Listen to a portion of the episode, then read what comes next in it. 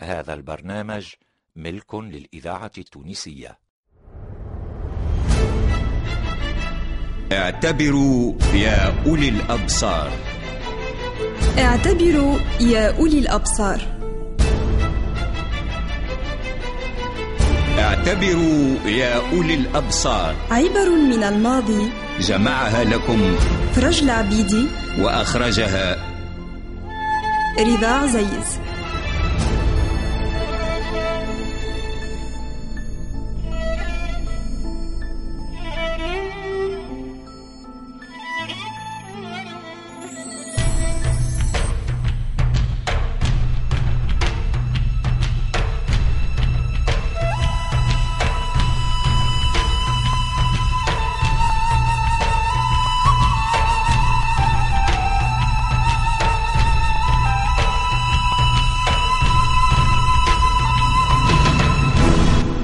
كانت لي حاجة بالجزيرة فاتخذتها طريقا مستخفيا. فبينما أنا أسير بين أظهرهم إذا برهبان وبشمامسة فقلت لهم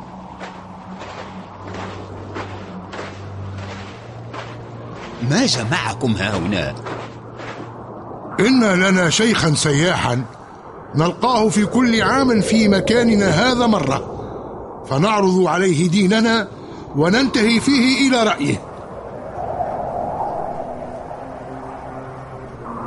وكنت رجلا معنيا بالحديث فقلت لو دنوت من هذا فلعلي أسمع منه شيئا أنتفع به. فدنوت فلما نظر إلي قال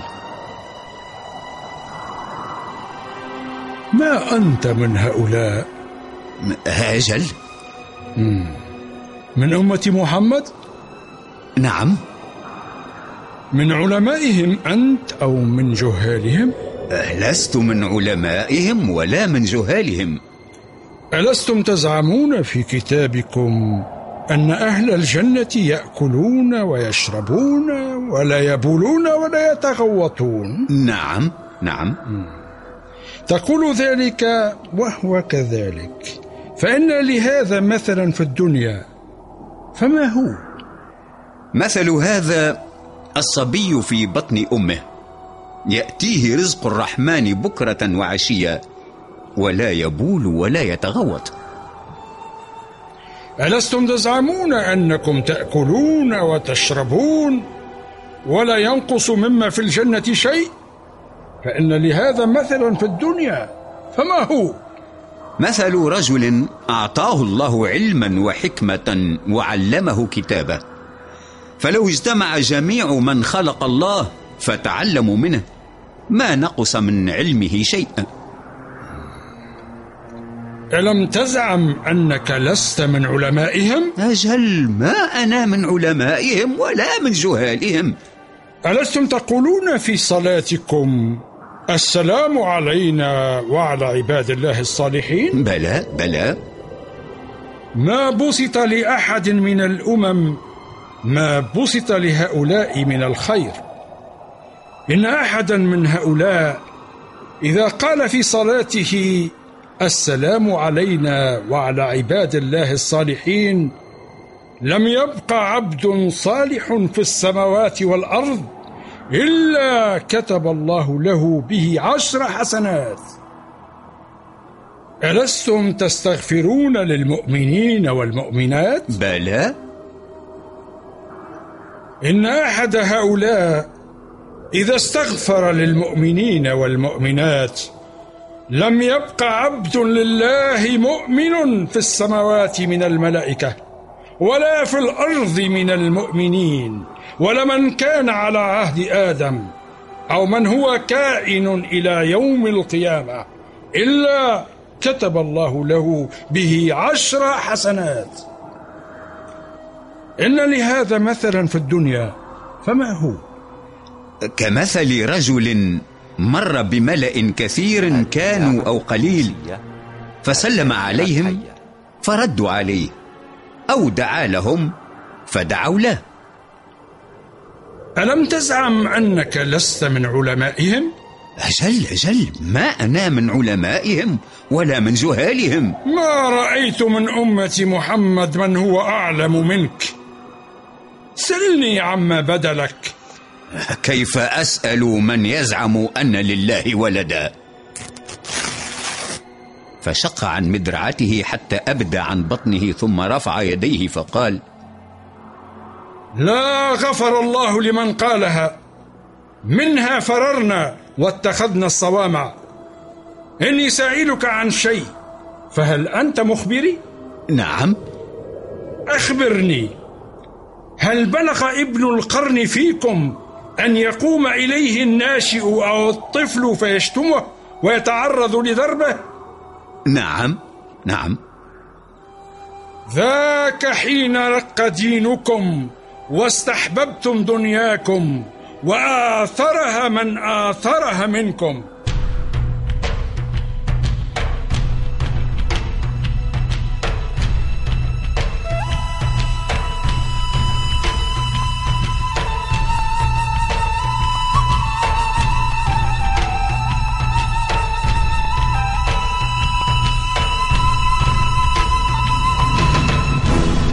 خرجنا إلى مكة وكنا أربعة رفقاء حتى جئنا المدينة فاكترينا بيتا ونزلنا فيه. فقال إبراهيم نحن أربعة. خدمة البيت وما يصلحنا لمعاشنا وإفطارنا وحوائجنا كل يوم على رجل منا. والثلاثة يذهبون إلى المسجد و... وينتشرون في حوائجهم.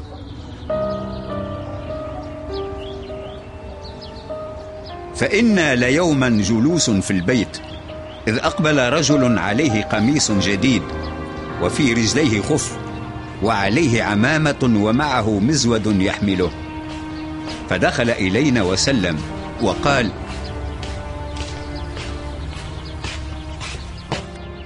أين إبراهيم؟ هذا منزله وقد ذهب في حاجة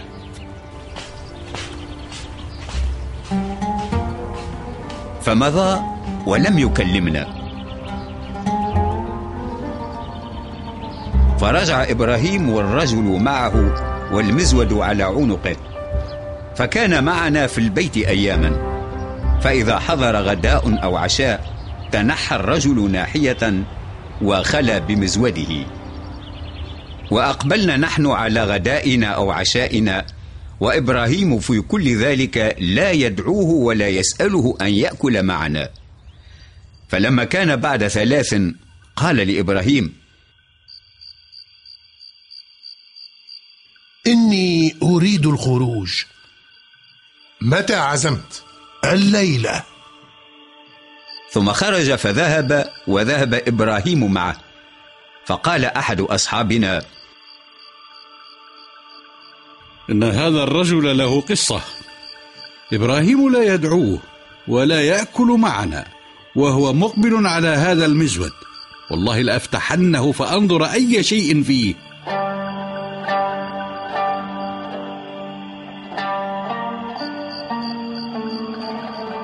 ففتحه فإذا فيه عظام. فشده وجاء الرجل فأخذ المزود وأنكر رباطه. فنظر في وجوهنا ومضى. فلما أن ذهب قال أحدنا لإبراهيم يا أبا إسحاق هذا الرجل الذي كان عندنا ما كان أعجب أمره.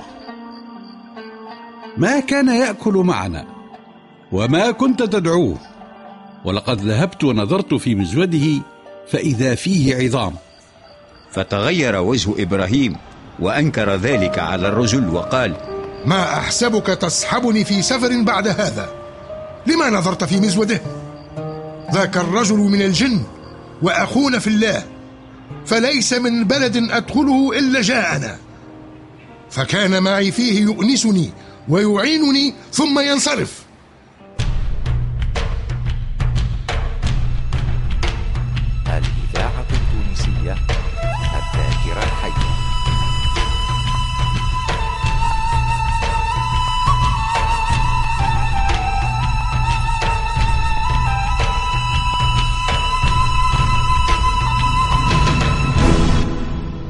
خرج أمير المؤمنين عمر بن الخطاب رضي الله عنه ذات ليلة في جولة من جولاته التي كان يخرج فيها وحيدا والناس نيام ليطمئن على رعيته ويبلو أحوالهم.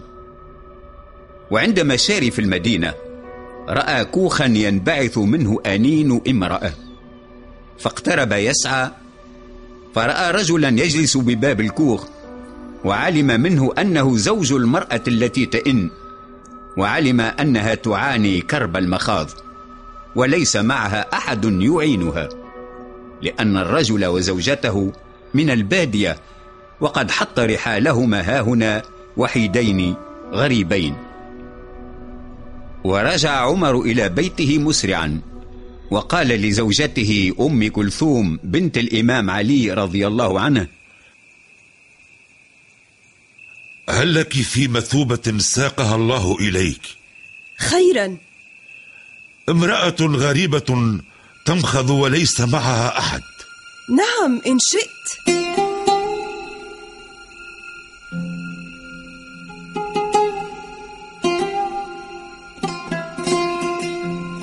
وقام فأعد من الزاد والماعون ما تحتاجه الوالدة من دقيق وسمن. ومزق ثيابا يلف فيها الوليد.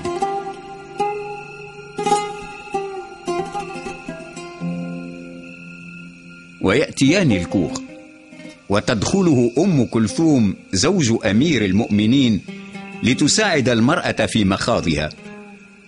أما أمير المؤمنين فيجلس خارج الكوخ ويوقد النار تحت القدر وينضج للوالدة طعاما. والزوج يرمقه شاكرا. إن هذا العربي الطيب أولى بالخلافة من عمر.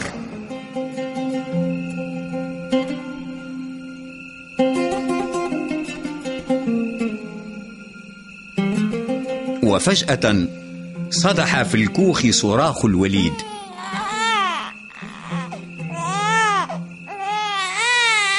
لقد وضعته أمه بسلام. وإذا صوت أم كلثوم ينطلق من داخل الكوخ عاليا. يا أمير المؤمنين بشر صاحبك بغلام. أمير المؤمنين؟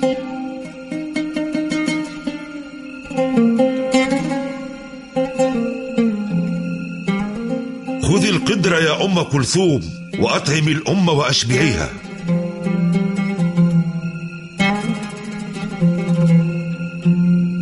وتطعمها أم كلثوم حتى تشبع وترد القدر إلى عمر بما بقي من طعام. فيضعها عمر بين يدي الأعرابي ويقول له كل كل واشبع فإنك قد سهرت طويلا وعانيت كثيرا.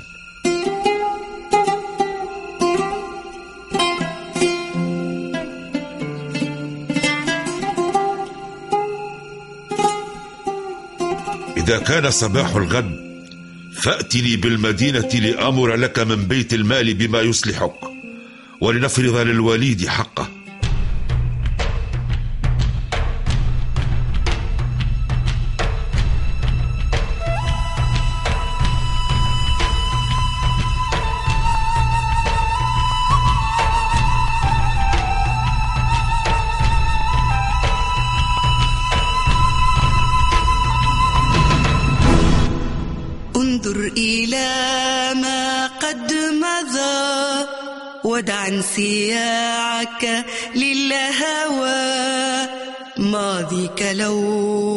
أيقظته وأشعته بين الورى. المؤتمن على ذاكرة انظر. إلى ما قد مضى ودع انسياعك للهوى. ماضيك لو أيقظته وأشعته بين الورى. لمنحت طفلك أنسه وحميته مما جرى. لمنحت طفلك أنسه وحميته مما جرى. شخص الأدوار. محمد اليانجي. محمد الهادي الصغير. مريم القبودي. المنجي الدمدوم. فرج العبيدي رضا عزيز. رحاب التلمودي رضا بن حسن محمد صالح الجيبسي إنشاد أمال ماني. هندس الصوت وليد بوخريس. اعتبروا يا أولي الأبصار. جمع فرج العبيدي وإخراج رضا عزيز